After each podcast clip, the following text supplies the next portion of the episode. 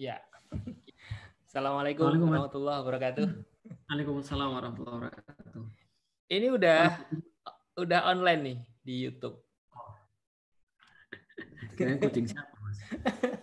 Itu tadi aku minta tolong anakku nyari background untuk tema anti rebahan. Dia cari Ah, gitu. gambar kucing. Nanti aku rubah. Oke.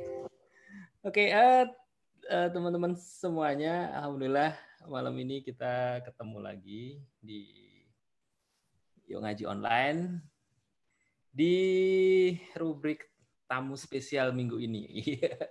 gitu. Wih, aku tamu terus ya, Mas ya? Iya, di sini jadi tamu ya.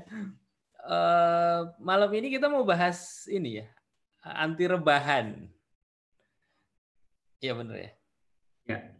Oke. Mm-mm. Hmm, Ini sambil nunggu teman-teman yang sedang apa mulai gabung ya, karena kita baru saja Hmm. online. Eh, ya, ini sudah mulai muncul. Ini teman-teman semuanya yang ada di YouTube chat, eh, silahkan mulai awal ini bisa kalau mau berpartisipasi ya, ada pertanyaan, masukan atau apa silahkan. Ini sudah hadir eh, rekan kita, Stad Felix Xiao, yang malam ini akan memberikan eh, pencerahan lah tentang anti rebahan. Sebenarnya anti rebahan itu apa sih? Aku juga nggak tahu nih. Gimana ini? Mangga, silahkan.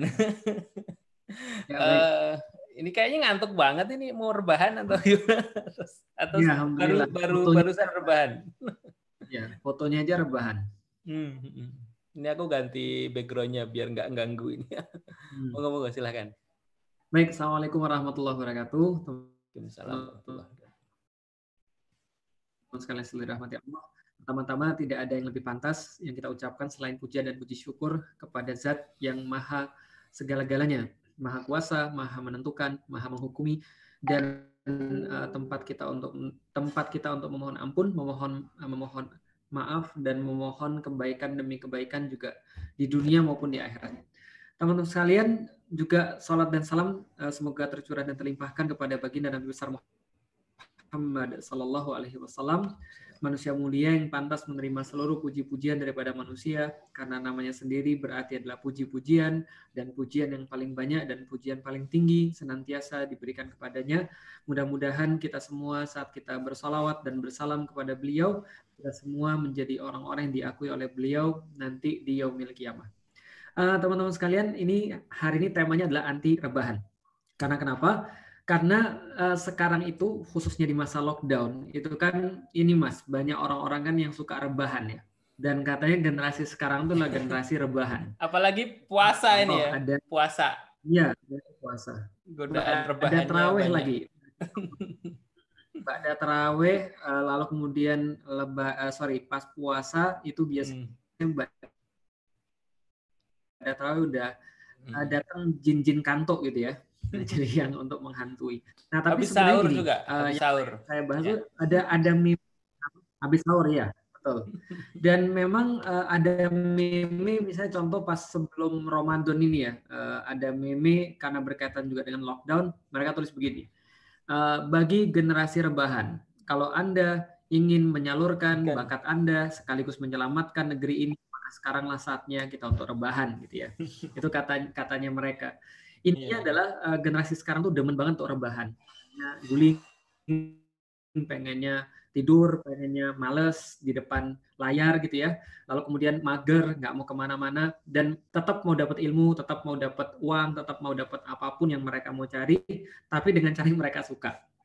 Nah, sebenarnya kalau eh, saya pengen eh, komentari bukan rebahannya secara secara literally, tapi kita pengen bahas tentang apa sih kemudian yang Allah perintahkan kepada kaum kaum rebahan ini. Contoh misalnya, kalau kita lihat di dalam Al-Quran, eh, misal ya, kalau kalau saya tuh tadi ngomong tentang rebahan itu langsung ingat surat-surat yang berkaitan dengan rebahan juga. Surat-surat yang berkaitan dengan rebahan ini munculnya di awal-awal. Setelah surat Al-Alaq itu turun, lalu kemudian Ya. surat Al-Qalam, lalu kemudian dua surat rebahan yang berturutan. Kan gitu kan ya. Pertama adalah surat Al-Muzammil, hmm. yang berikutnya adalah surat Al-Mudathir. Al yang jadi nah betul Al-Mudathir. Yang jadi kemudian uh, surat ke-73 dan surat ke-74 gitu ya. Hmm. Nah, dan ini sama-sama menggambarkan tentang orang-orang yang uh, apa ya, rebahan.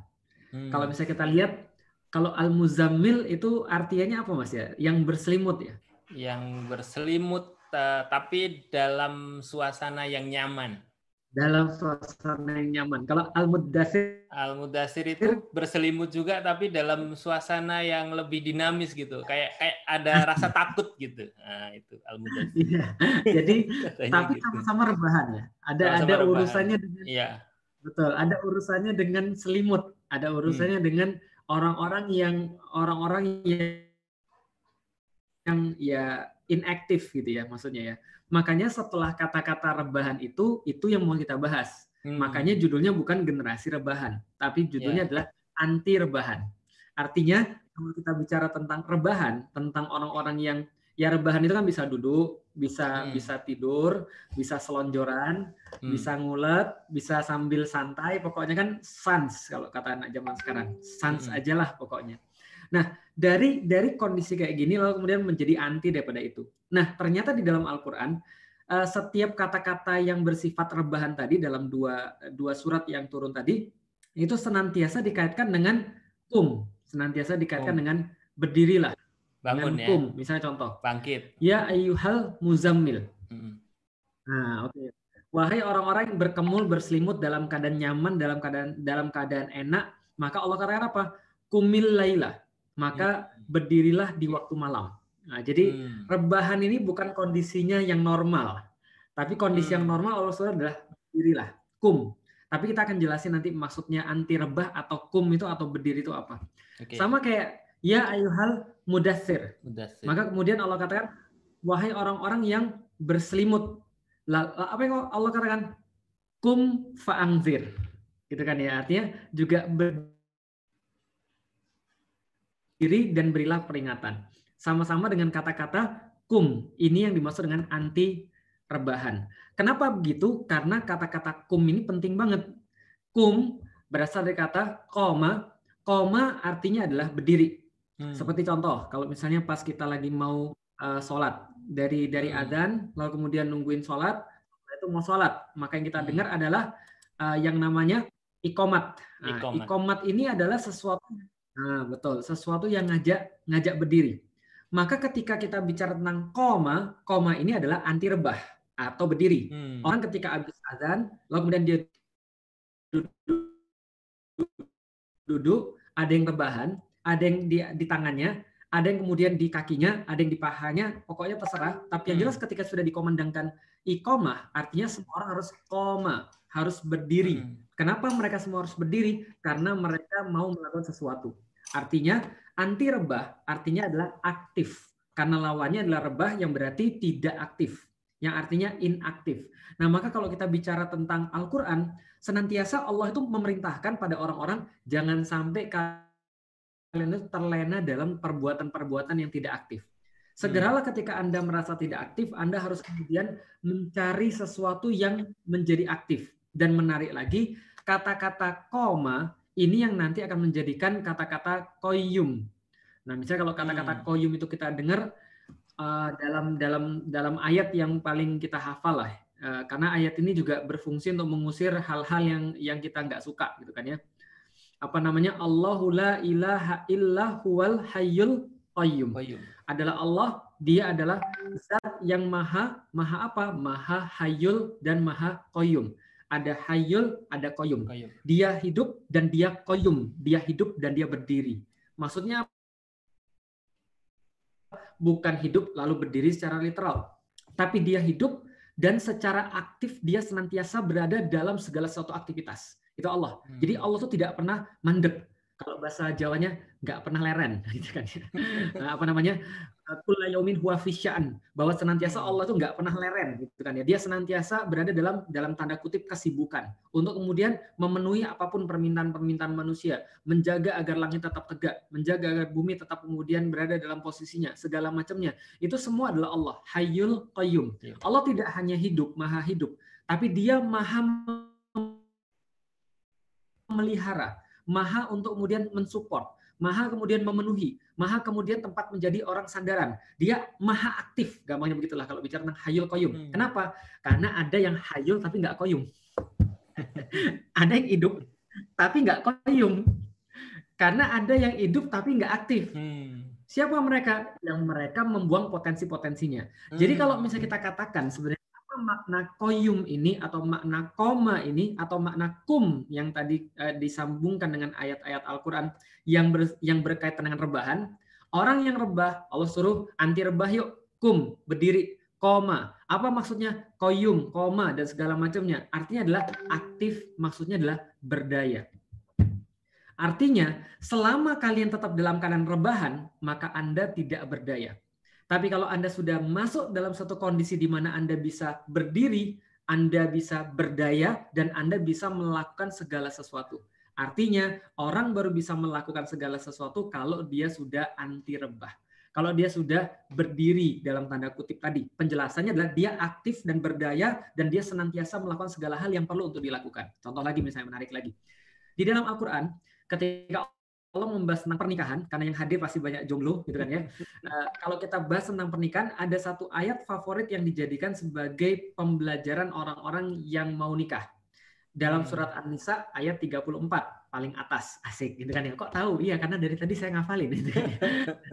Itu kemudian dikatakan, Ar-rijalu qawwamuna hmm. nisa Jadi ar-rijal, sesungguhnya laki-laki, siapa pun laki-lakinya, mau dia seorang bapak, mau dia seorang kakak laki-laki, mau dia seorang adik laki-laki, mau dia seorang suami, ar-rijal, kalau Anda merasa sebagai rijal, qawwamuna 'alan nisa. Maka Anda harus menjadi kawam bagi perempuan-perempuan. Kalau kita baca tafsirnya, kaitannya sama. Kawam ada urusannya dengan seorang sultan.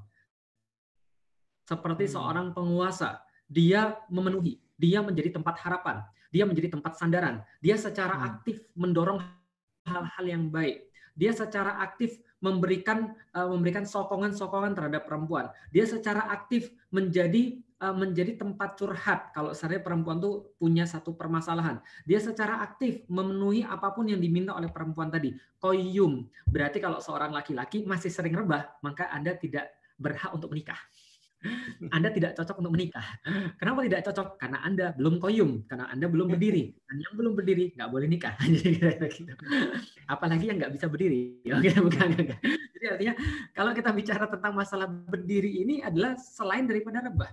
Ketika orang itu koma, ketika orang itu adalah berdiri, maka dia baru bisa punya kapabilitas untuk memberdayakan apa pun yang dia punya dan memberdayakan orang lain. Contoh lagi hmm. sebelum kita masuk dalam materinya. Contoh lagi, di dalam suratul kahfi itu juga sama. Ketika Allah membahas tentang anak-anak muda itu, ketika anak-anak muda itu yang Allah tidurkan, Allah bahas tentang bagaimana sih mereka ceritanya bisa tertidur dan ceritanya mereka bisa untuk uh, berada di gua. Allah katakan innahum fityatun amanu bi rabbihim wa zidnahum huda. Hmm. Lalu Allah bahas bahwa mereka ini adalah anak-anak muda yang kemudian beriman pada Allah dan kemudian mereka Allah tambahkan hidayah kepada mereka. Nah, kapan mereka kemudian disuruh untuk mendakwakan agama Allah ketika warabatna ala qulubihim id qamu faqalu rabbuna rabbus samawati wal ard. Ketika mereka sudah beriman pada Allah, Allah tambahkan pada mereka hidayah, Allah baguskan pada mereka akhlak mereka, lalu ketika itu mereka mengikatkan hati mereka satu sama lain, berukhuwah, setelah itu Allah baru perintahkan, eh, sorry, Allah baru katakan mereka baru komu, mereka baru berdiri, waqalu, baru kemudian berkata, alias orang nggak bisa berkata-kata kalau dia belum berdiri. Karena hmm. dia nggak akan didengar oleh siapa pun. Dia nggak akan dilihat oleh siapa pun. Maka keadaannya kalau misalnya kita sekarang nggak lagi berdiri maka harusnya kita berdiri. Kalau sekarang kita lagi rebah kita harus berdiri. Kalau sekarang kita belum masuk ke dalam anti rebahan berarti kita masih rebahan alias tidak dianggap sama orang. Nah, dalam kondisi yang kita pengen bahas sekarang, anti rebah inilah yang kita kan katakan sebagai orang yang bangkit. Mudahnya hmm. begitu. Jadi bukan hanya berdiri, yeah. tapi bangkit. Kenapa nggak berdiri kita katakan bangkit, kum, bangkitlah. Kumil lail, maka kemudian bangkitlah di malam hari. Bukan berdirilah di malam hari. Karena bisa jadi orang bangkit itu nggak harus berdiri di kakinya. Atau hmm. orang berdiri di kakinya belum tentu dia bangkit. Artinya kalau kita berbicara tentang surat-surat yang awal-awal tadi diturunkan, uh, ya ayyuhal muzammil kum, maka kum itu adalah bangkit. Ya ayyuhal muddathir, maka kum juga, berarti bangkitlah juga. Kenapa kita katakan bangkit? Karena bangkit ini harus punya relativitas, harus punya perbandingan. Oh, ini sudah oh, masuk menarik banget ya. Iya, iya. Pelajaran sosial sosial, Mas. Iya, nah, makna makna hmm, makna ya kum ya gimana, ini makna kum kum itu ya. Itu ya. Uh, menarik juga sih karena ada yang mengatakan bangun. Uh, ya. ya, jadi wake up, move on, move up Betul. gitu ya. Nah, iya, tapi bangkit itu harus ada perbandingannya. Hmm. Kalau cuma berdiri aja belum bangkit. Hmm. Karena berdiri itu belum bisa jadi belum bangkit. Kenapa? Kalau berdiri itu patokannya diri kita sendiri. Kalau hmm. posisi kita sudah di atas kaki, maka itu dikatakan berdiri. Hmm. Padahal kalau dari tadi kita bahas, kata-kata kum atau koma itu artinya adalah berdiri yang membuat satu aktivitas. Hmm. Tidak hanya berdiri, tapi dia aktif melakukan sesuatu tapi dia kemudian menjadi relatif relatif dinamis kalau bahasanya Mas Husen tadi asik. Ya. Perbedaan antara Muzamil dan Mudathir bahwa Mudathir adalah cenderung dinamis gitu kan ya. Nah berarti kata-kata koma ini juga adalah sesuatu yang bersifat dinamis. Dia bersifat hmm. aktif, maka kita katakan bangkit lebih tepat karena bangkit memerlukan pembanding. Kalau seandainya semuanya duduk, perbandingannya semuanya duduk, lalu kita kemudian berdiri maka kita relatif lebih tinggi, relatif lebih terlihat, relatif kemudian menjadi perhatian, maka kita dikatakan bangkit. Hmm. Tapi kalau yang lain sudah berdiri, lantas kita berdiri juga, itu enggak dikatakan bangkit. Kenapa? Posisinya equal, posisinya sama. Hmm. Nah, yang dimaksud dengan bangkit harusnya adalah ketika dia punya satu posisi awal, lalu kemudian dia punya posisi akhir, dan itu ketika dibandingkan secara secara relativitas, maka dia adalah posisinya lebih tinggi daripada yang lain. Di kala itulah dikatakan bahwa seseorang itu adalah koma atau bangkit. Atau dalam kasus yang lain, ketika ada orang yang mau menikah, berarti dia kawam, berarti dia sudah bersifat mampu untuk melakukan aktivitas-aktivitas alias dia sudah tidak berada lagi dalam kondisi rebah. Nah, oh, itu iya. pendahuluannya. Rumit nggak? Menarik mas? banget ya. Enggak, enggak rumit sih. Uh, Aku, aku jadi aku jadi inget ini ada satu gubahan lagu dari Sunan Kalijogo. Sunan Kalijogo oh, iya. itu bikin lagu Lir Ilir. Lir ya, Ilir. Ya, ya, ya. Teman-teman Coba kalau... nyanyi dulu Mas, gitar Mas, bisa nggak Mas? Gitarnya ada di luar itu. Ya. Itu gimana, Lir Leriler, leriler, tandureo sumilir gitu ya. Tak ya. icuroyo royo, tak sengguh penganten anyar Cah angon, cah angon, penek no blimbing kui, lunyu-lunyu penek no kanggo basuh dodo tiro. Gitu. Artinya tiro, uh, oh, belum. belum selesai. belum, belum, ya, ya. Dodo tiro, dodo tiro, suwe eng kumitir ing pinggir tondo mono jlumatono kanggo sebo mengko sore. Yo sura oh Sura hore gitu lagunya. Tapi yeah. ini dalam uh, maknanya karena uh, Sunan Kalijogo itu ingin menyampaikan pesan kebangkitan lewat lagu Asik. dengan uh, menafs uh, menginterpretasikan surat Al-Mudassir tadi. Jadi lir ilir lir ilir itu kayak uh, Jingle, jingle. Al mudathir. Ilir-ilir itu kan bangun lah. Jadi ada oh. orang tertidur nih. Tidur ah. itu kan alamnya alam mimpi. Ah. Jadi orang punya dream mungkin atau dalam uh, ses, uh, dalam kondisi yang sedang tidak sadar kan namanya orang tidur. Tidak aktif. Itu, ah, tidak aktif. Uh, kemudian dia diminta bangun. Lir-ilir, lir-ilir. Uh, hmm. Lir-ilir, lir-ilir tandure sumilir itu artinya bahwa hmm uh, kondisinya sekarang sedang sedang uh, hijau gitu, uh, sedang tumbuh berkembang tandure sumilir, uh, ijo royo royo dak sengguh pengantin anyar. Jadi apa yang ada di sekitar kita ini kondusif untuk kamu bangkit sekarang gitu. Lir ilir lilir tan sumilir dak ijo royo royo dak sengguh pengantin anyar. Cah angon cah angon penek no bimbing kui itu artinya adalah wahai orang yang bisa menggembala gitu ya. Kalau dalam hadis itu kan kulukum ro'in wa kulukum mas'ulin an royatihi gitu ya. Wa kulukum mas'ulun an royatihi. Jadi kita semua ini kan penggembala dan akan dimintai pertanggungjawaban atas gembalaan kita gitu. Jadi maknanya adalah orang yang sudah bangun tadi itu eh, itu diminta untuk pendek no blimbing kui. Itu kalau dalam dalam pelajaran pertanian itu blimbing. Blimbing itu selalu bersisi ber, bersigi lima ya. Ada lingirnya lima. Nah itu maknanya adalah eh, ajarkan Islam gitu. Lunyu lunyu penekno ndak sengguh pengantin eh, lunyu lunyu lunyu penekno kanggo mbasuh dodo tiro. Itu apa eh, sairnya itu liriknya. Jadi uh, untuk menyebarkan Islam yang ber, apa, berukun lima itu, kemudian dalam kondisi sulit apa pun, lunyu-lunyu itu kan licin, walaupun licin tetaplah panjat, walaupun licin tetaplah kalian itu uh, apa memiliki effort yang tinggi gitu.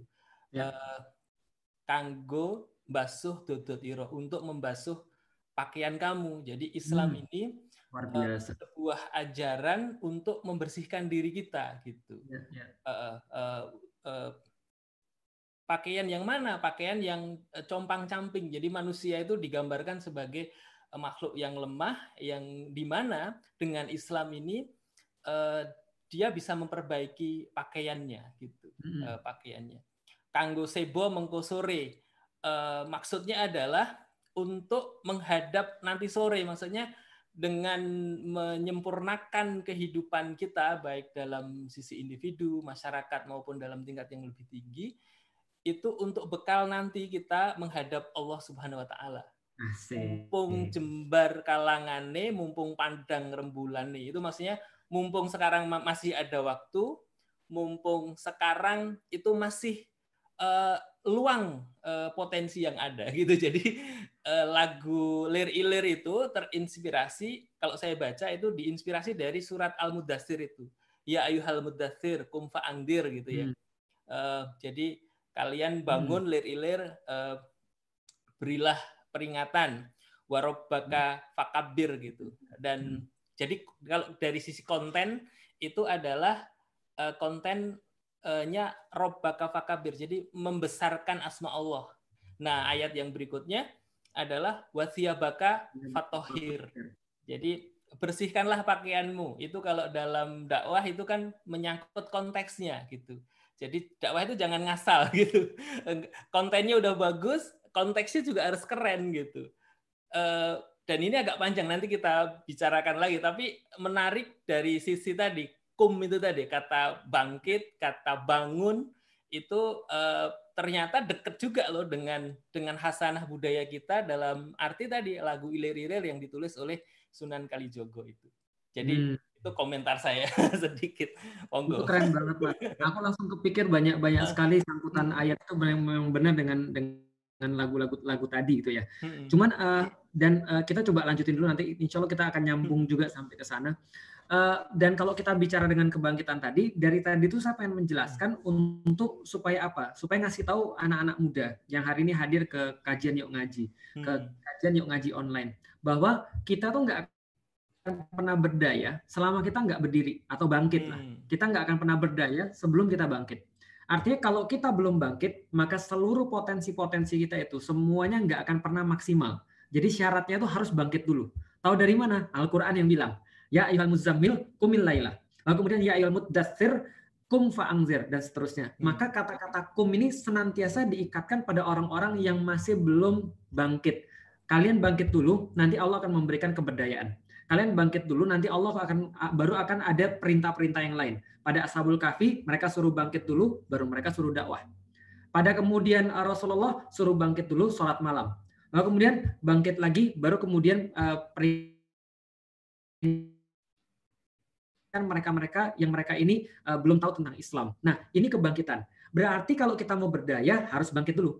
Gampangnya, orang mau nikah harus bangkit dulu. Itu secara individual. Tapi ternyata, Mas, di dalam Al-Qur'an juga hmm. urusan kebangkitan ini tidak hanya kebangkitan yang bersifat individual. Kadang-kadang ada kebangkitan dalam bentuk kelompok, kadang-kadang ada kebangkitan dalam bentuk sebuah yang lebih besar lagi daripada kelompok. Yaitu adalah kebangkitan hmm. kepemimpinan. Widih asik. Bahasa aku yang banyak keren ya kebangkitan ideologis. Yeah.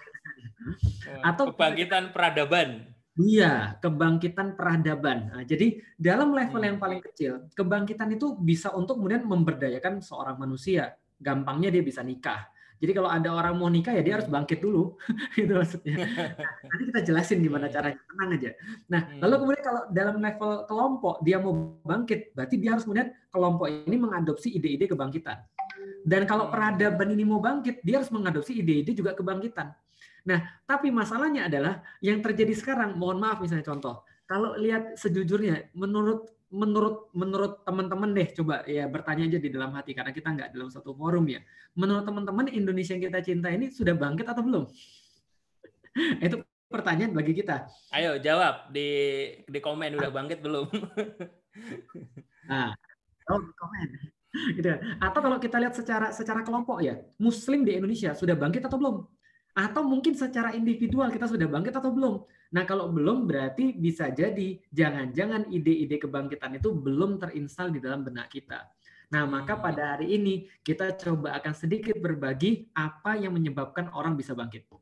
Oke, jadi itu headline-nya ya atau bold-nya nah, malam ini nah, itu betul. tentang nggak bisa sekarang tentang kebangkitan. Oke. Ya.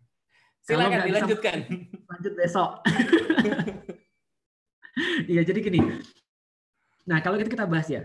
Mudahnya adalah ketika ketika ketika kita berbicara tentang kebangkitan, menariknya adalah ketika tadi ya, kalau misalnya Mas Husen bilang muzamil adalah ketika orang tuh mau tidur, mau nyaman, mau santai. Tapi kalau mudathir enggak, ada ada yang lebih dinamis karena dia dia takut dia memerlukan perlindungan. Maka enggak selalu berkaitan dengan sesuatu yang bersifat yang tadi seperti muzammil. Kalau misalnya Rasulullah datang kepada Khadijah lalu berkata zammiluni uh, selimuti aku, temenin aku, lalu kemudian uh, adalah di sampingku dan segala macam. Tapi kalau mudathir enggak, karena Rasulullah sedang berlindung sebenarnya dengan orang-orang kafir Quraisy yang bisa untuk menyakiti dia dalam tanda kutip dengan lisannya atau dengan tangannya atau apa pun dan ketika itulah Allah katakan ya ayyuhal muddatsir kum fa'angzir. Artinya berdirilah dan berikanlah peringatan. Dengan cara apa? Farob eh, warob baka fakabir. Maka Tuhanmu itu kamu harus agungkan seagung-agung agung, seagung-agungnya. Dan ini penting banget. Kalau tadi saya langsung ya Allah, kalau saya Sunan Kalijogo buat lagu kayak begitu dan memang pemahamannya didasarkan pada surat ini, masya Allah, berarti pemahaman beliau tentang uh, torikoh dakwah gitu kan ya. Lalu kemudian bagaimana bagaimana langkah-langkah dakwah itu itu sempurna sekali, masya Allah. Kenapa? Karena kalau kita pikir-pikir betul orang itu pertama-tama kalau dia mau bangkit dia harus mensucikan Allah sesuci-sucinya. Hmm. Dia harus menggedekan Allah segede-gedenya. Dia harus menganggap Allah itulah satu-satunya yang paling dan tidak ada yang lebih daripada itu. Karena itu syarat kebangkitan. Maka syarat kebangkitan adalah dia menyelesaikan permasalahannya sendiri dengan cara dia tahu untuk apa dia hidup di dunia ini. Dan itu tidak akan mungkin didapat kalau dia tidak menyadari keberadaan Allah. Dan ketika dia sudah menyadari keberadaan Allah, mendadak cuma Allah yang besar, maka dia menyelesaikan masalah sendiri sekaligus membedakan dirinya dengan hewan. Contoh, orang yang nggak sadar dengan Allah, Orang yang nggak nggak eling dengan Allah, orang yang nggak ngerti bahwa dia akan kembali pada Allah, orang yang nggak pernah mengesahkan dan membesarkan Allah, maka dia pasti sibuk dengan dunia. Dia pasti disibukkan dengan dunia. Dan ngomong-ngomong kalau dia disibukkan dengan dunia, dia nggak akan bisa menyelesaikan masalahnya sendiri. Dan dia tidak akan ada bedanya dengan hewan. Makanya Buya Hamka bilang, kalau kerja monyet juga kerja. kalau kalau kerja berarti ya uh, kebo juga kerja. Kalau hidupmu cuma untuk kerja, kebo juga kerja. Kalau hidupmu cuma untuk makan, monyet juga makan. Itu kayaknya menghina, tapi itu dalam banget. Kenapa? Karena sebagai manusia seharusnya ada yang membedakan kita dengan hewan. Apa yang membedakan kita dengan hewan? Manusia harusnya berdaya, bangkit. Maksudnya apa? Dia punya posisi yang lebih daripada yang lain sehingga dia punya satu keberdayaan untuk ngurusin yang lain. Karena kita ingat ketika Allah memfirmankan di dalam di dalam Al-Qur'an wa qala rabbuka lil malaikati inni ja'ilun fil ardi khalifah. Dia dijadikan lebih tinggi daripada yang lain supaya dia bisa memanage bumi ini dengan baik. Nah kalau Anda tidak berdaya, bagaimana Anda bisa manage dengan baik? Maka yang pertama adalah warob baka fakabir. Anda harus menjadikan Tuhan Anda itu di atas segala-galanya. Dia harus paham tentang prinsip kehidupan. Itu itu adalah syarat kebangkitan. Artinya kebangkitan bukan soalan harta, kebangkitan kebangkitan bukan soalan pengetahuan, kebangkitan bukan soalan apalagi misalnya banyaknya banyaknya kita banyaknya kita menguasai teknologi bukan masalah apa pun tapi masalah pengakuan terhadap Allah atau lebih gampangnya menurut uh, Syekh Taqiyuddin itu dalam bukunya ya apa namanya uh, dalam bukunya Nizamul Islam itu dikatakan bahwa yang dimaksud dengan kebangkitan adalah irtifaul fikri adalah meningkatnya tingkat berpikir ketika berpikirnya tidak hanya urusan yang rendah tidak hmm. dibatasi pada pemikiran yang bersifat sempit yaitu pemikiran itu sudah beyond. Asik gitu kan ya. Makanya buku pertama saya judulnya Beyond the Inspiration itu itu itu, itu oh iya. itu bahasa Arabnya Ian hadul insan bima indahu min fikrin. Lanjutin. Betul. Lanjutin Mas. Apa Jadi, Mas? Kebangkitan manusia yang hadul insan bima indahu min fikrin. Ya. Itu eh, tergantung atau didasari atau konteksnya itu dalam kebangkitan pemikiran manusia. Dan seterusnya. Nanti kita kaji lebih dalam lah. Lanjutin aja ini banyak yang nungguin soalnya tentang kebangkitan. Tapi ada komen tadi uh, ya. menarik juga. Ini perlu di dibahas di awal mungkin. Aku nonton sambil rebahan nih, atau aku lagi nge-share tapi sambil rebahan. Nah rebahan hmm. yang tadi itu uh, hmm. memang maknanya letter lux atau uh, dalam konteks hari ini kan kita bisa aja tuh bikin tulisan sambil nyantai, kita bisa komen sambil nyantai, nonton video sambil lebih santai gitu. Apakah itu nggak boleh? Ya. Atau gimana? Nah, makanya perlu diputar uh, abis ini nanti perlu diputar lagi dari awal sih oh, karena kita sudah menyampaikan bahwa yang kita yang kita bahas di sini bukan secara literally tapi rebahan secara maknawi ya gitu kan ya nah, jadi uh, yang dimaksud dengan kebangkitan adalah peningkatan daya pikir, peningkatan cara berpikir. Sehingga ketika hmm. sudah meningkat cara berpikir ini, dia mulai untuk berpikir lebih luas dan berpikir lebih tinggi. Karena pemikiran itu ada yang sempit, ada yang rendah, gitu mas. Jadi, nah dia tidak lagi berpikir sempit dan berpikir rendah. Contoh, contoh berpikir rendah itu apa? Hidup cuma untuk makan, hidup cuma untuk kerja. Yang sudah kita bahas, itu kan ya, kayak kucing. Kucing itu kan, ya kucing malah nggak bisa mikir gitu. Tapi kita kadang-kadang manusia tapi nggak ada bedanya dengan kucing. Hidup cuma untuk main-main, lalu kemudian jalan-jalan, lalu kemudian makan, besar badan, lalu kemudian nikah, setelah nikah punya anak, anaknya gitu lagi, terus menerus muter hmm. kayak begitu. Nah ini adalah kerendahan berpikir dan kesempitan berpikir. Kesempitan berpikir itu adalah bahwa dia merasa bahwa dunia itu cuma cuma cuma satu-satunya tempat dia hidup sehingga dia mengusahakan apa pun cuma terbatas pada kesempitan berpikir tentang dunia tadi. Tapi dia tidak bisa berpikir luhur untuk mencapai pada satu ketinggian. Lalu kemudian tidak bisa berpikir luas sehingga berpikirnya menjadi global misalnya. In, atau bukan hanya global tapi berpikir sampai ke akhirat, berpikir sampai kepada sesuatu yang lebih daripada mata misalnya. Nah, tanda-tandanya apa? Sorry, bukan tanda-tanda. Syaratnya apa? Syaratnya adalah dia mau untuk warob baka fakabir. Dia mau untuk mengesahkan Allah pembahasan ketauhidan Allah. Maka di situlah Islam menyelesaikan permasalahan pertama daripada Muslim, daripada orang-orang manusia itu dengan cara menyelesaikan prinsip kehidupan, yaitu adalah tauhid itu sendiri. Maka kalau ada orang sudah belajar tauhid, harusnya dia bangkit. Hmm. Ada orang sudah belajar tauhid tapi nggak bangkit-bangkit, nggak bisa nyelesain permasalahan dirinya, atau masalahnya masih berkutat pada itu-itu saja, berarti pembelajaran tauhidnya perlu untuk diluaskan lagi. perlu untuk mungkin jadi pelajari sesuatu yang lain lagi. Berarti keimanannya tidak menjadi produktif, hanya menjadi hmm. sebuah teori. Dan teori itu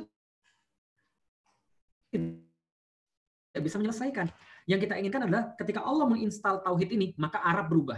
Maka kaum Arab berubah, Quraisy kemudian berubah. Lalu kemudian regional mereka berubah. Lalu dunia ini berubah. Itu baru yang dikatakan sebagai iman yang produktif. Itu yang terjadi pada Rasulullah. Itu yang terjadi pada para sahabat. Itu yang terjadi pada pada uh, tabiin. Itu yang terjadi pada tabiut tabiin. Dan dan pembahasan ini, pembahasan tentang kebangkitan karena pemikiran ini, yaitu adalah akidah. Itu tidak pernah gagal dalam sejarah yang kita baca untuk bisa membangkitkan satu umat. Pertanyaannya, kalau seandainya yang namanya kebangkitan itu diawali dengan peningkatan taraf berpikir, maka kita bisa menjawab pertanyaan yang tadi. Hmm. Sudahkah Indonesia itu meningkatkan taraf berpikir atau justru taraf berpikirnya direndahkan? gitu kan. okay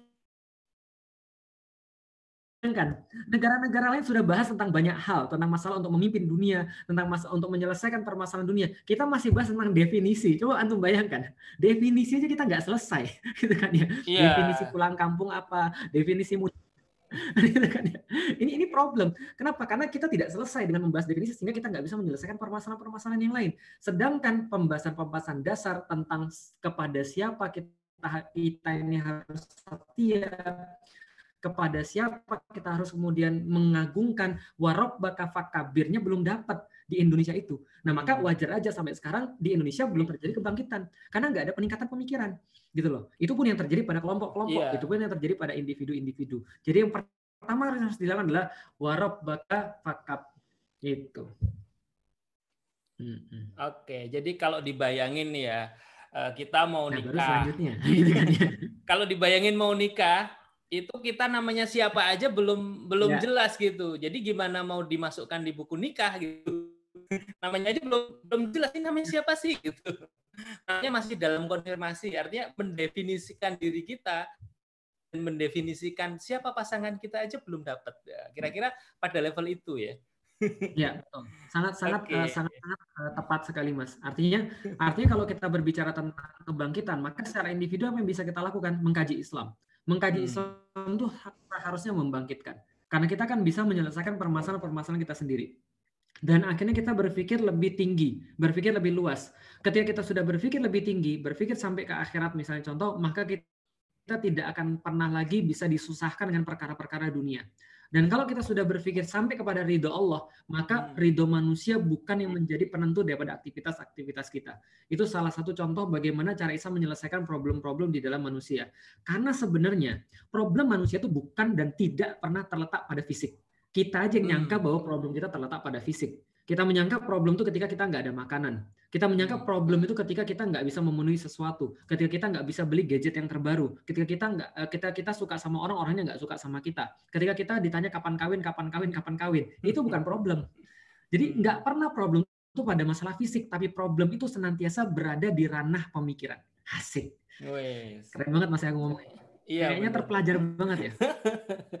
iya, ya. Ini pada paham nggak ya? Komen ya kalau kurang nah. paham kecepatan atau uh, terlalu tinggi bahasanya ah, mana yang perlu nah, dijelaskan lebih detail lagi gitu ya. Iya, terusin terus. Jadi rewind Mas videonya. Iya, iya. Nah, sebagai sebagai sebagai buktinya tadi yang aku ngomong apa sebagai buktinya kenapa aku bilang bahwa masalah itu tidak pernah ada dalam dalam ranah fisik tapi ranahnya adalah ranah ranah pemikiran adalah ketika Allah sampaikan zuyyina linnasi hubus syahawati minan nisa wal banin wal hmm. qanatiril muqattarati minaz zahabi wal fiddah wal khailil musawwamati wal an'ami wal has zalika mataul hayatid dunya. Wallahu indahu husnul ma'ab. Allah katakan dihiaskan kepada kalian. Apa kepada kalian dihiaskan? Wanita-wanita. Lalu kemudian apa lagi? Anak-anak.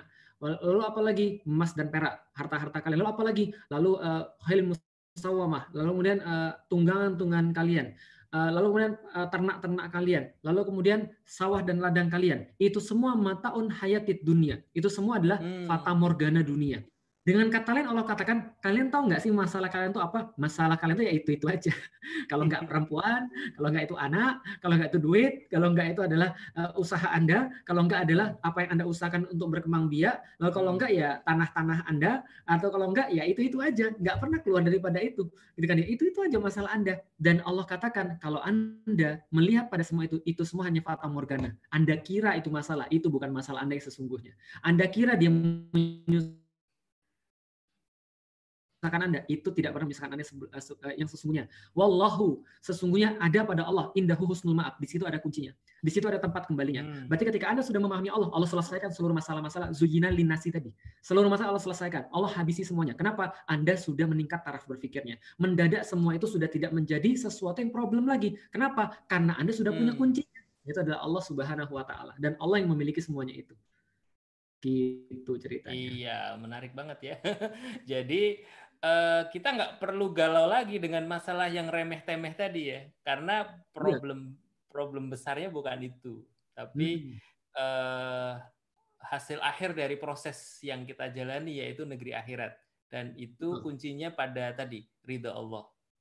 Gitu. Betul. Nah, ini teman-teman kalau mau nimbrung mau nanya silakan ya di komen aja dulu uh, di komen di YouTube ini silahkan apa yang mau dibahas tentang materi kita hari ini anti rebahan yang ternyata anti rebahan itu uh, penjelasan lebih detailnya adalah tentang kebangkitan. Bangkit. ya tentang bangkit. Jadi anti rebahan berarti bangkit ya. Antitesis berarti uh, sintesis ya gitu. Oke oke. Sosialis banget sih mas. Oh iya benar Uh, kecepatan, wah, speed playbacknya di set ke 0,25. Iya, tapi ada yang paham. Ini memang tergantung prosesor ya. ya. Ya, makanya saya baru mau bilang, kalau Anda merasa kecepatan, berarti Anda belum bangkit. Asik. Iya, iya, iya. Ini kalau saya uh, ngegambarin itu berarti kita ini sebenarnya sudah dirancang dengan spek yang sangat tinggi ya. Maksudnya oh, iya. kalau di digambarkan sebagai komputer itu kita udah i9 gitu ya, i9, hmm. RAM-nya hmm. udah 32, hard disk-nya udah 200 tera gitu. Tapi kadang-kadang komputer kita yang keren itu itu hanya dipakai untuk nonton film Korea misalnya. Jadi yeah. ngeplay, ngeplay film aja atau buat uh, apa namanya main Tetris gitu atau main uh, game yang ringan-ringan gitu. Padahal speknya tinggi. Yang dari spek itu kita bisa ngedit film yang keren bikin animasi uh, bikin efek-efek yang keren sehingga outputnya juga keren gitu. Kira-kira ya, Begitu nggak kalau kalau boleh saya simpulkan sedikit ya, atau, gitu tentang potensi. Atau kalau mau lebih atau mau lebih mengenal lagi, kita tuh speknya keren mas. Hmm. Cuman kalau saya di HP itu apps-nya belum di enable. Oh. Jadi iya, masih iya, belum digeser di enable gitu loh mas. Iya iya iya. Tolong uh, teman-teman yang uh, uh, semuanya pasti speknya tinggi ini ya di enable apps-nya, kemudian uh, program-program yang selama ini nggak dijalanin ya, cuman sebagai bug aja, tolong juga dipelajari, diaktifkan sehingga uh, memunculkan karya-karya yang keren ya gitu. Ya, betul. Terus tadi uh, kalau sudah paham nih kita, oke, okay, aku mau bangkit. Terus dari mana bangkitnya? Ya, maka pertama-tama harus kita ketahui dulu minimal teman-teman tahu bahwa kebangkitan itu adalah peningkatan taraf berpikir. Jadi peningkatan taraf berpikir. Maka hmm. taraf berpikir yang meningkat itu maksudnya apa? Ketika taraf berpikirnya itu tidak hanya membicarakan dan tidak hanya berpikir tentang masalah-masalah yang remeh-temeh dunia, hmm. tapi dia mulai berpikir tentang ketuhanan tadi. Warob baka fakabir. Maka dia memikirkan tentang dia tuh sebenarnya dari mana sih sebenarnya? Dia tuh sebenarnya ngapain sih di dunia ini? Lalu kemudian apa sih sebenarnya prinsip hidup di dunia yang harus dia jalani? Maka kalau gampangnya adalah mengkaji Islam maka hmm. ketika awal-awal ketika turun ayat yang pertama itu adalah ayat yang tentang peningkatan taraf berpikir. Allah katakan di hmm. dalam Al-Qur'an misalnya, A'udzubillahi minasyaitonirrajim bismillahirrahmanirrahim. Uh, Iqra bismi rabbikal ladzi khalaq. Maka ikra, maka amatilah, maka analisislah, maka coba hitunglah, maka coba lihatlah, maka coba perhatikanlah maka bacalah tanda-tanda yang telah disediakan bagimu oleh Allah untuk engkau mendapatkan sesuatu. Apa? Iqra bismi rabbikal ladzi khalaq khalaqal insana min 'alaq iqra wa rabbukal akram. Ketika Anda sudah membaca dengan sebaik-baiknya, dengan sedetail-detailnya, dengan seluruh yang Anda bisa, maka harusnya ada sesuatu yang Anda bisa sadari di sana. Rob bukal akrom. Sesungguhnya Tuhan Anda itu maha pemurah. Tuhan Anda itu maha keren, maha hebat. Sama seperti tadi, warob baka fakabir. Semua tentang keadaan Allah. Dalam bahasa yang lebih mudah lagi kita sudah bahas sebelumnya, yatlu alaihim ayatih. Maka kita membuat diri kita sadar tentang keberadaan Allah. Itu sudah peningkatan pemikiran yang sangat luar biasa sekali. Karena begitu mas, kalau ada orang benar-benar, ini benar-benar ya, bukan teori ya, benar-benar sadar dengan keberadaan Allah, harusnya itu mengubah hampir semua hidup dia. Contoh kayak gini deh. Saya dulu saya dulu kan belum muslim. Lalu ketika saya belum muslim, ya tentu saya nggak akan mikir kayak gini dong. Saya yang saya pikir apa? Yang saya pikir adalah pekerjaan saya nanti apa, lalu kemudian hmm. saya nikah sama siapa, saya punya anak berapa, lalu saya tinggal di mana dan seterusnya. Dan saya nggak pernah mikir tentang segala sesuatu. Kalau ada sesuatu yang bisa saya ambil, saya ambil dong. Kalau saya nggak tahu orang, saya ambil dong. Saya nggak pernah mikirin kalau ada orang susah, saya nggak pernah mikir untuk berkorban pada orang lain. Kenapa? Karena saya nggak meyakini ada Tuhan. Hmm. Karena setelah saya keluar dari agama saya yang lama, saya jadi seorang ateis, agnostik, lalu nggak hmm. percaya tentang Tuhan. Tapi ketika saya meyakini bahwa Tuhan itu ada, dan ini pemikiran yang kuat dan benar-benar saya yakini, dan benar-benar punya efek. Efeknya apa? Efeknya adalah setiap perbuatan saya, saya berusaha untuk nanya, Tuhan mau nggak saya buat kayak begini? Hmm. Apakah benar Allah yang saya temukan itu mau saya untuk berbuat begini? Dan tanpa sadar ketika kita sudah mikir kayak begitu, kita sudah mulai mikir lagi, sebenarnya saya hidup di dunia ini apakah cuma untuk main-main kayak gini? Dalam tanda kutip, uh, kuliah, lalu kemudian nikah, lalu kemudian kerja, punya anak, nanti anak saya gitu lagi. Apa cuma gini-gini aja? Emang nggak ada yang lebih keren lagi dalam dunia ini? Lalu kemudian ketika kita tahu ada Tuhan tadi, sudah kita mengesahkan Tuhan, membesarkan Tuhan, oh ternyata ada misi-misi di dalam Al-Quran. Hmm. Nah, itu membuat pemikiran kita semakin tinggi dan semakin tinggi dan semakin tinggi lagi. Maka itu dinamakan dengan perubahan pemikiran. Mulai dari mana? Yuk ngaji.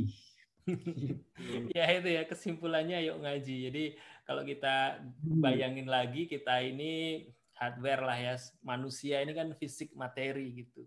Nah ada ada software ada operating system yang menginstal kita nih ya namanya Islam dan ketika ya. Islam itu diinstal pada diri kita seharusnya kita berubah dari sekedar hardware menjadi sesuatu yang operasional gitu dan dan uh, seyogyanya gitu ya. Itu keren gitu. Seyogya itu bahasa bahasa tahun berapa itu ya? Seharusnya keren gitu. Kalau kita lihat ya tadi seorang Felix Xiao dari mulai uh, ateis jadi agnostik kemudian is, uh, masuk Islam di sana jadi produktif sekarang banyak menulis buku bikin konten dakwah dipersekusi di mana-mana dan seterusnya. uh, ber ya, berarti kan ada pengaruh, pengaruh uh, yang kemudian ya, orang ya. melihat pengaruh ini uh, apa ya tergantung sudut pandangnya kan, pers tergantung ya. perspektifnya. Uh, artinya kan pengaruhnya ada gitu. Jadi ini uh, menjadi PR juga buat saya dan teman-teman ini saya sudah Islam sejak lahir berarti softwarenya sama ini, tapi uh, kinerjanya kok beda gitu. Padahal Islam ini kan kompatibel untuk semua hardware ya. Jadi uh, kalau kita bicara manusia seluruhnya, itu Islam itu layak sebagai sebuah cara hidup, sebagai sebuah ajaran yang membuat orang itu berubah gitu.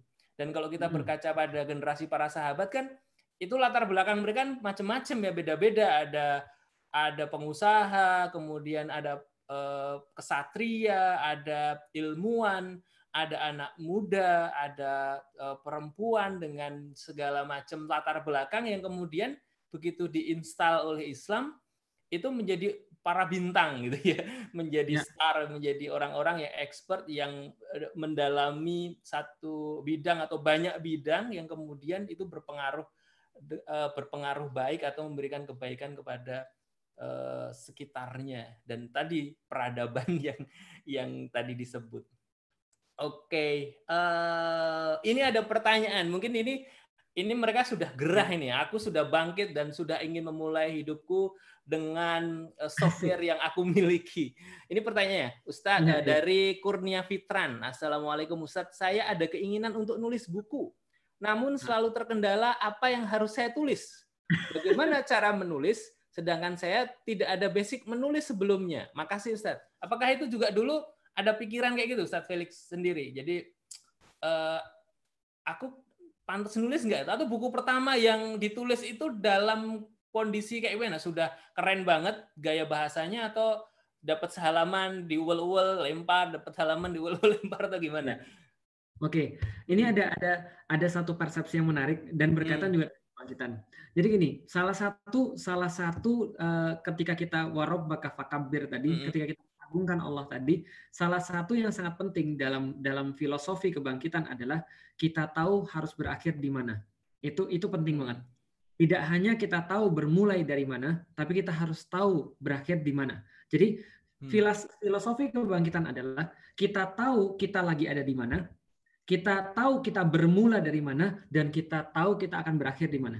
Itu penting banget. Hmm. Kalau tiga ini kita tidak pernah pahami, maka kita tidak bangkit sebenarnya. Karena pembelajaran pembelajaran tentang warob fakabir adalah pengakuan secara sincere, secara humble, secara benar-benar bahwa kita bermula dari Allah dan itu tidak berteori saja tapi benar-benar produktif dan kita akan berakhir kembali kepada Allah innalillahi wa inna ilaihi rajiun. Maka di dunia ini kita sedang sekarang lagi ngapain? Kita sekarang sedang berada di dalam dunia yang di mana kita di, diuji oleh Allah apakah kita serius meyakini bahwa kita akan kembali dan kita berawal daripada dia itu gampangnya seperti itu nah jadi salah satu filosofi kebangkitan yang penting adalah mengetahui kita akan berakhir di mana menulis itu bukan menulis itu bukan tentang apa yang kita lakukan tapi tentang apa yang harus sampai kepada orang itu itu penting hmm. sekali karena kalau kita mulai nulis tentang tadi kira-kira saya mau nulis apa ya? Itu menandakan bahwa kita menulis untuk diri kita, bukan kita menulis untuk memahamkan orang lain.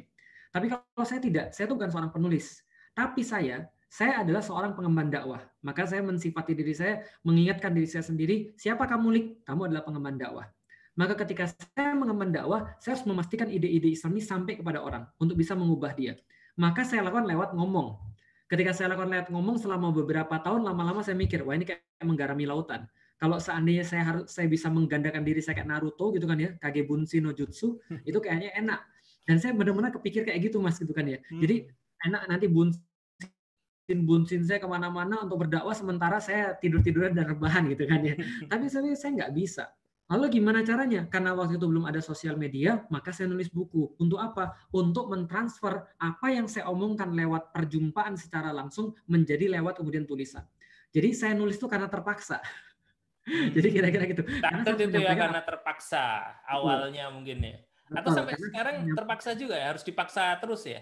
Nah sama mas. Jadi zaman sekarang juga sama. Kira-kira apa yang perlu kita pahamkan pada orang, kita harus nulis itu. Jadi uh, karena itulah kita jadi tahu apa yang harus kita tulis. Nah sekarang kalau misalnya uh, prakteknya seperti apa, saran saya adalah kita coba lihat dulu, kita terjun dulu ke masyarakat. Kita lihat apa yang diperlukan oleh masyarakat. Dan kenapa kita harus nulis muncul dari sana. Maka saya nulis Muhammad Al-Fatih karena waktu itu saya tahu masyarakat itu tidak yakin dengan kata-kata Rasulullah. Hmm. Maka saya harus membuat satu-satu tulisan di mana orang tuh meyakini kata-kata Rasulullah seperti Muhammad Al-Fatih. Maka itu yang saya inginkan. Saya kemudian melihat anak-anak muda susah banget diomongin. Katanya ada dua ada dua golongan yang sangat susah untuk diomongin. Yang pertama adalah orang yang sudah memilih pasangan uh, politik uh, di satu uh, pemilihan politik gitu kan ya pilpres atau atau pilek atau apalah terserah yang kedua adalah orang-orang yang pacaran itu susah banget diomongin hmm. maka saya harus punya cara gimana caranya biar mereka yakin maka saya nulis untuk mereka yakin untuk bisa mengubah orang nah jadi starting with ending apa yang kita inginkan pada akhirnya mulailah dari situ nah itu penting yeah, banget yeah. jalan ke masyarakat lalu kemudian saya ngeliat lagi oh ternyata ini ada orang-orang pengen sudah mau berdakwah tapi ternyata mereka itu uh, agak sulit karena mereka bilang saya bukan anak kiai, saya nggak bisa dakwah. Saya nggak pernah belajar bahasa Arab, saya nggak bisa dakwah. Saya bukan lulusan UIN, saya nggak bisa dakwah. Saya bukan lulusan pesantren, saya nggak bisa dakwah. Saya tulis buku Habits. Bahwa dakwah itu yang penting bukan apakah ada lulusan dari mana, tapi Anda mau atau tidak. Karena uh, lalu kemudian dipersingkat dengan dengan bahasa bahasa Melayu ada peribahasa nak atau tak nak. Kalau nak seribu daya, kalau tak nak seribu dalih kalau Anda Anda mau atau tidak mau, bukan bisa atau tidak bisa, mau atau tidak mau, nak atau tak nak. Kalau nak, kalau mau seribu daya, Anda akan keluar seribu daya upaya. Kalau tak nak, kalau nggak mau seribu dalih, Anda akan keluar seribu hmm, alasan. alasan. Maka itu kemudian, nah untuk memahamkan pada orang, Anda tidak perlu menjadi bisa. Yang penting Anda mau atau enggak. Kalau Anda mau, yuk bareng-bareng. Nah, jadi gitu kira-kira. Iya, tadi yang perlu digarisbawahi ya, eh, start from the end. Jadi harus tahu tujuan akhir dan menariknya eh, di teori komunikasi itu yang pernah saya baca itu ada ungkapan menarik bahwa komunikasi itu bukan soal pesan, tapi ya. soal makna yang diterima oleh uh, orang lain yang menjadi tujuan komunikasi kita dan itu tadi uh, menjadi sesuatu yang menurut saya keren banget karena begitu buku Muhammad Al Fatih itu terbit nggak lama kemudian Eh, bayi-bayi di Indonesia itu yang awalnya mungkin nggak kenal Al-Fatih itu siapa ya. Sekarang nama Al-Fatih atau nama Fatih itu menjadi salah satu nama yang populer di Indonesia. Kalau ya. dilihat dari uh, mungkin di sini juga ada tuh ya anaknya yang namanya Al-Fatih di uh, nama 1453 Mas, banyak sekali yang pakai. Oke. Uh, ini iya. uh, ada pertanyaan lagi ya. Kita mungkin akan mengakhiri ini sampai jam berapa Ustadz Felix punya waktu ya? Ahlan wasahlan. Oke. Okay, uh, Oke, okay, uh, uh, sekitar 15 menit ke depan. Jadi ini ada yang nanya bahwa dia itu namanya oh dia kan Fatih Imtiazul Ihsan. uh, Fatih ya. Imtiazul Ihsan. Uh, pola pikir yang benar untuk hidup di generasi saya ya lahirnya itu tahun 2006 ini berarti generasi Z ya generasi ya. yang lahir anak kandungnya online ini sudah jadi ya. mereka mereka lahir itu tidak lagi kenal analog ya 2006 berarti ini sekarang usianya baru 15 tahun ya Ya. 14 15. Ya, Tapi keren juga ya anak-anak sekarang di usia ini sudah sudah lihat uh, online kayak kita gimana ya Tats? Masalahnya banyak orang-orang sampah. Wes ini bahasanya. Pemberi pengaruh buruk. Apalagi saya sekarang sering dengar tindakan kriminal dari generasi saya. Jadi dia eh, lahir di generasi mungkin adik adik kita. Kalau kita itu apa milenial awal ya, milenial ya. awal eh, masih kenal eh, ini ya apa Analog drama radio, koran gitu, uh, Satria Baja Hitam itu masih masih tahu kalau ini uh, kayaknya enggak ya. Uh, ini gimana? Uh, uh, anak yang lahir di generasi ini yang pengaruh dari luar tuh luar biasa, baik itu film, games, buk, belum lagi pertemanan ya, lingkungan yang kemudian mau tidak mau biasanya memaksa uh, kebiasaan orang itu harus harus kayak teman-temannya gitu. Ya. Hmm. Yang pertama, ini saya main dari dari uh, kan sudah saya bilang bahwa dalam segala hal itu senantiasa ada tiga yang bisa kita ingat. Pertama secara akidah, kedua secara ukhuwah, ketiga secara syariat. Yang hari ini saya bahas dua aja. Pertama secara hmm. akidah. Akidah itu adalah selalu pertanyaan why. Kenapa saya harus jadi seperti ini? Contoh, saya dulu pas masih belum muslim saja, saya nggak mau ikut-ikutan dengan apa pun yang terjadi di sekeliling saya ada orang pakai anting-anting sebelah kiri misalnya. Lalu kemudian dia bilang ini jantan. Saya bilang saya nggak mau ikut-ikutan. Kenapa? Karena saya nggak mau anak saya lahir ngelihat bapaknya pakai anting-anting. Itu itu alasan saya. Saya memikirkan masa depan. Saya pikir suatu saat nanti juga kamu harus serius kok. Kamu harus bajunya rapi, kamu harus kemudian ngilangin kemudian kejelekan-kejelekanmu, nggak pakai anting-anting lagi dan harus pergi kerja dan harus bertanggung jawab atas atas keluargamu. Ketika dia masih main-main dengan anting-antingnya, saya sudah belajar sadar. Ketika saya lulus dari kuliah langsung langsung bisa punya penghasilan, dia masih kemudian baru mau memperbaiki diri. Itu saya tulis dalam Life is Choice di dalam buku hmm. Beyond the Inspiration. Pertama-tama Anda harus tahu dulu kenapa Anda mau untuk menjadi orang yang bangkit. Karena orang yang bangkit bisa berdaya, tapi orang-orang yang nggak bangkit mereka hanya diberdayakan, mereka hanya dimanfaatkan. Maka yakinkan pada diri kita bahwa yang namanya ujian itu adalah ketika dalam kondisi tidak ideal. Tidak ada kemenangan dalam kondisi yang semuanya sudah selesai. Contoh, Manchester United pasti nggak tahu. Tahun 2000, eh, sorry, tahun tahun 1990 itu sekitar hmm. tujuh hmm. tahun sebelum dia lahir kayaknya ya. Nah jadi 1999 itu saya nonton Manchester United waktu itu saya belum Muslim itu ketika kalah satu kosong dari Bayern Munchen dalam final Piala Champion. Jadi bisa dibayangkan hmm. ngerinya apa. Kalah satu kosong dan di di menit-menit terakhir itu pelatihnya bilang Sir Alex Ferguson bilang semuanya maju. Kenapa? Ini final Piala Champion. Kita mau kalah 1-0, mau kalah 2-0, mau kalah 7-0 nggak ngaruh.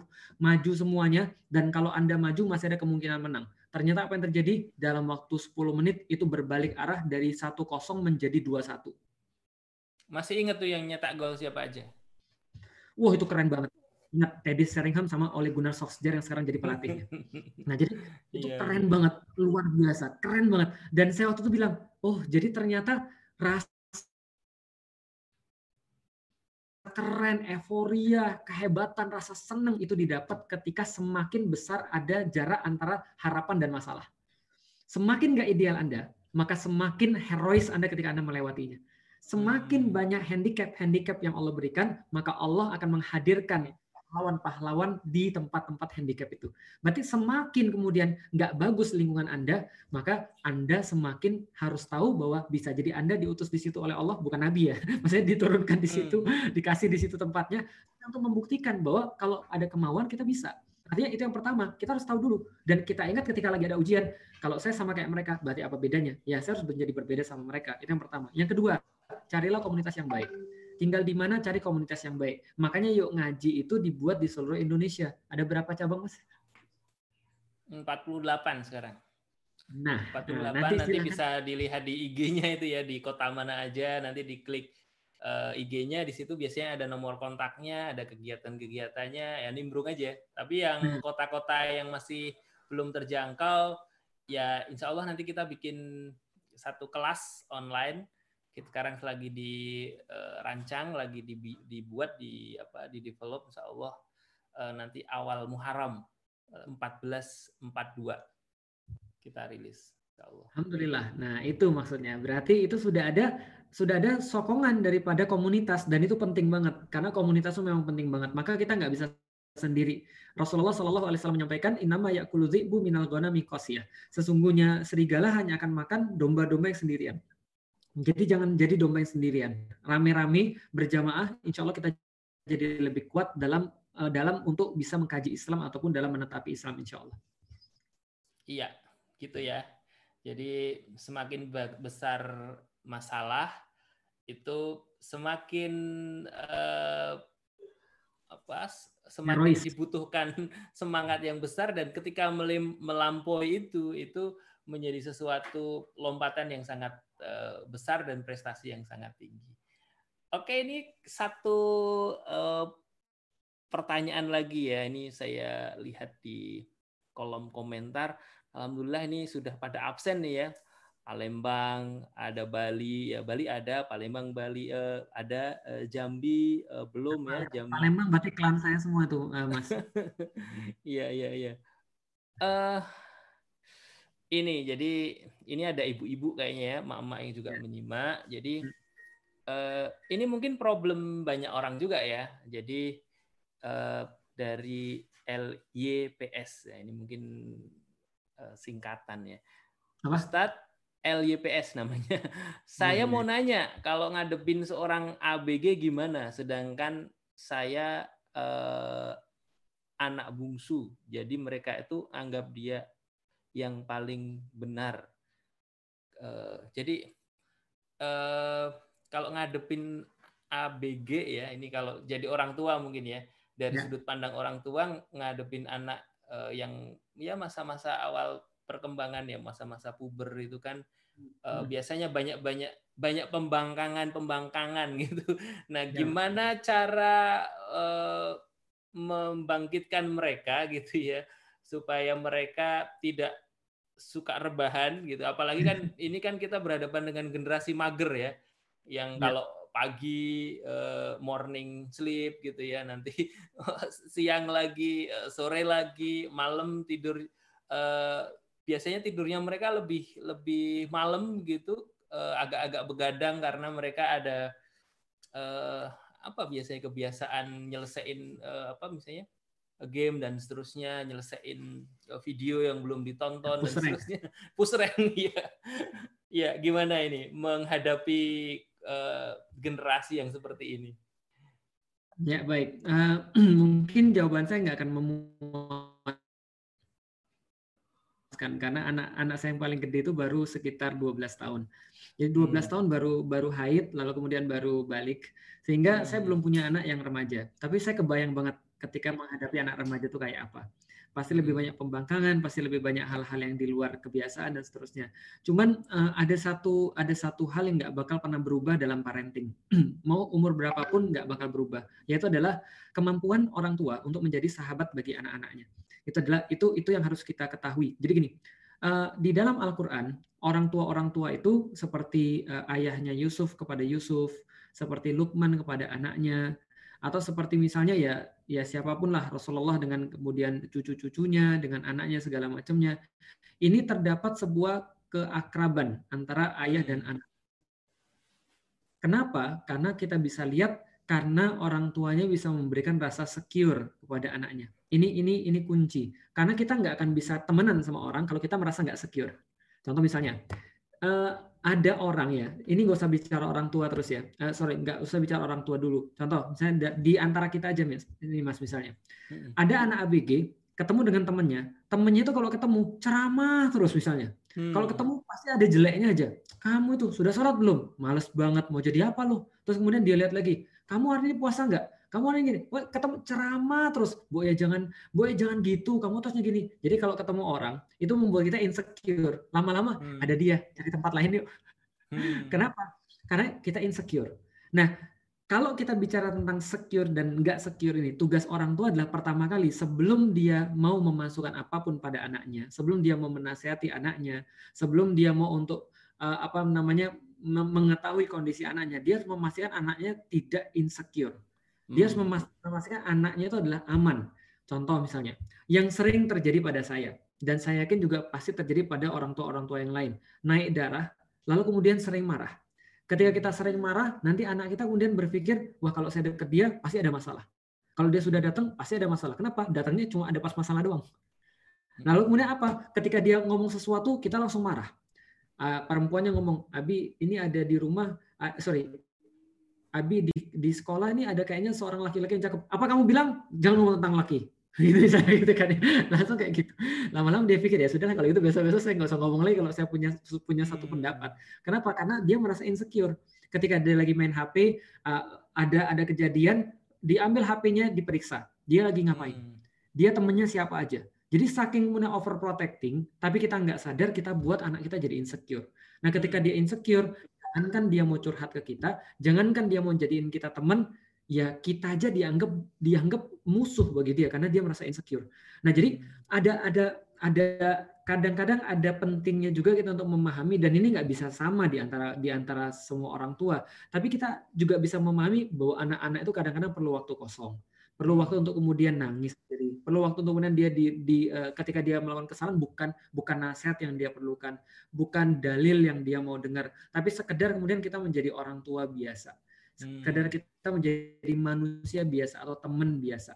Teman mungkin nggak bisa ngasih nasihat, teman mungkin nggak hmm. bisa ngasih ngasih apa namanya ngasih solusi. Tapi teman itu selalu ada di situ untuk dengerin dan nggak pernah ngejudge. Itu itu kuncinya nggak pernah ngejudge dan kita hmm. juga nggak serta merta memang cuma jadi kayak begitu ya kita tetap orang tua Iya iya iya. Tapi pertama-tama yang harus kita uh, ada ada satu satu apa ya satu hal yang harus kita establish dulu adalah dia harus merasa secure dengan kita. Itu intinya. Ya, ya. Soal Sebelum kita bicara tentang kebangkitan pemikiran ya. Soal insecurity itu uh, insecurity ya itu kemarin hmm. dibahas di malam Ahad di Ladies Talk itu ya. Nanti bisa di Ladies Room ya. Ladies Room bisa dilihat videonya di Yuk Ngaji ID. Iya betul memang eh, kadang-kadang orang yang yang terluka itu tidak butuh kata-kata yang indah ya, tapi cukup telinga yang mau mendengarkan. Katanya gitu. Tanya Mas Husen aja. Mas Husen kan punya anak sudah, sudah remaja, Mas. Gimana Mas? Monggo, Mas. Uh, iya, kita harus memberikan ruang lebih banyak, mau mendengarkan, memberikan ruang partisipasi terutama, kemudian menyediakan fasilitas yang dibutuhin gitu. Jadi anak-anak itu kadang-kadang juga tidak mau ngaku dia butuh apa, tapi dari apa yang dia eh, rasakan. Jadi kita itu mendengarkan kadang-kadang tidak lewat kata-kata ya, tapi lewat eh, lewat gestur gitu ya, lewat kebiasaan, lewat eh, mimik gitu dan ya menjadi orang tua memang eh, harus lebih banyak membaca hal-hal yang tidak verbal menurut saya. Uh, ini yang tanya tadi protes ini ABG bukan ABG maksudnya tapi abang. Jadi uh, dia nanya ternyata bagaimana uh, cara membangkitkan seseorang yang dia itu lebih tua, lebih senior gitu. Kalau tadi kan ke anak lebih junior ya, ini ternyata abang lebih senior yang mana dia sudah okay. punya. Nah, jadi Gimana pertanyaannya membangkitkan orang yang lebih tua? Iya, merubah orang lain tapi lebih tua, abangnya, eh, orang tuanya, ibunya, bapaknya gitu. Karena saya kira sekarang kan trennya memang anak-anak muda ini yang sedang melakukan banyak eh, perubahan gitu ya. Anak-anak hijrah itu kan anak-anak muda. Sedangkan di lingkungan mereka tentu ada ayah, ada ibu, ada kakak mereka gitu. Mungkin kayak cerita Ustadz Felix dengan kakaknya juga gitu yang yang kemarin belum lama masuk Islam itu ya, nah, itu pola pendekatannya kayak apa sih atau dibiarin aja tahu-tahu berubah gitu? Nah, itu dia saya bilang. Uh, jadi gini, kita harus membahas ini dari dua sisi. Pertama dari dari bab tawakali, hmm. uh, tawakuli gitu kan ya. Yang kedua adalah dari bab ikhtiari gitu ya. Kita mau bahas hmm. bab yang mana dulu nih? Bab bab keyakinan atau bab uh, usaha? Usaha. Kalau bab nah, kalau bab keyakinan kita udah lewat lah ya. Dan kakak saya itu masuk bab keyakinan. Gitu kan. Jadi bukan bab usaha gitu kan ya.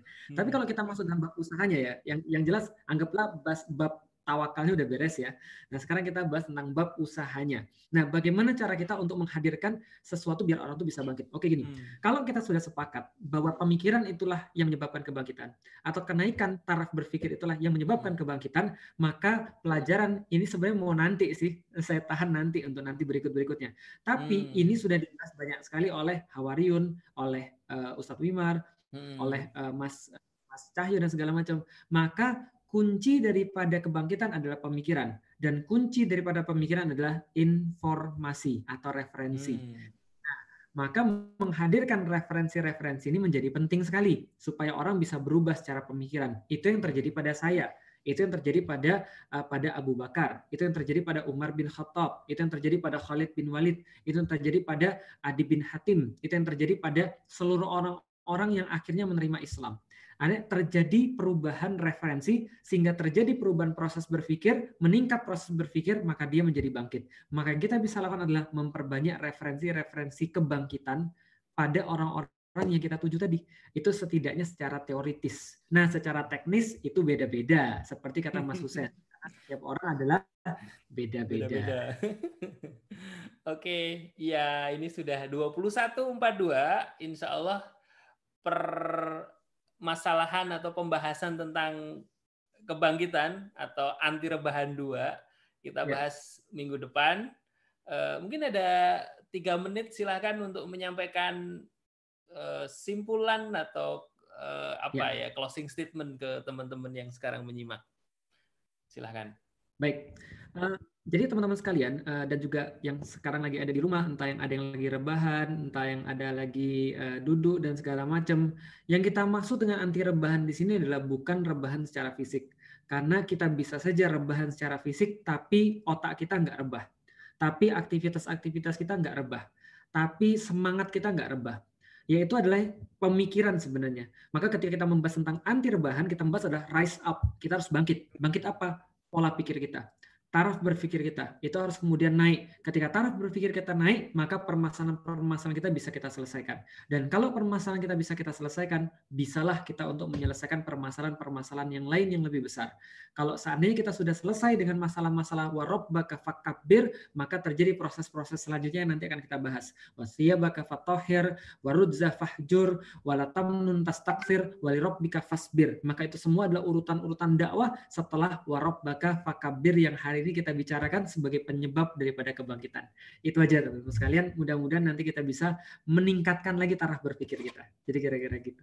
Oke, uh, satu simpulan yang menarik. Jadi kalau uh, dari hadis Rasulullah itu ada tiga tipe orang ya. Ada orang yang rugi yang hari ini tuh sama kayak kemarin gitu. Ada orang yang beruntung yang hari ini lebih baik dari yang kemarin dan untuk bisa lebih baik itu minimal adalah lebih tahu sesuatu, ada tambahan ilmu. Kalau dalam bahasa Ustadz Felix tadi ada eh, peningkatan taraf berpikir, irtifaul fikri gitu ya. Eh, dan itu bisa didapatkan salah satunya adalah dengan ikut eh, kegiatan-kegiatan positif ya. Kalau di bulan Ramadan ya malam ini kita bisa setiap malam ya setengah sembilan sampai setengah sepuluh atau lebih ada yuk ngaji online. Eh, malam ini ada Ustadz Felix, besok ada Ustadz Sifrun yang akan membincangkan tentang sirah sirah Nabawi. Nanti malam eh, Ahad ada ladies room, ladies room, ciwi-ciwi ya.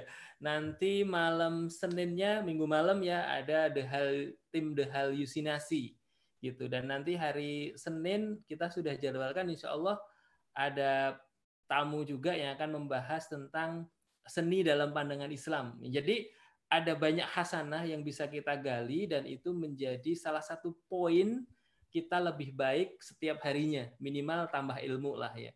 Karena dengan tambah ilmu uh, insya Allah kita menjadi lebih baik. Saya kira itu teman-teman semuanya. Sampai ketemu di acara yuk ngaji online berikutnya.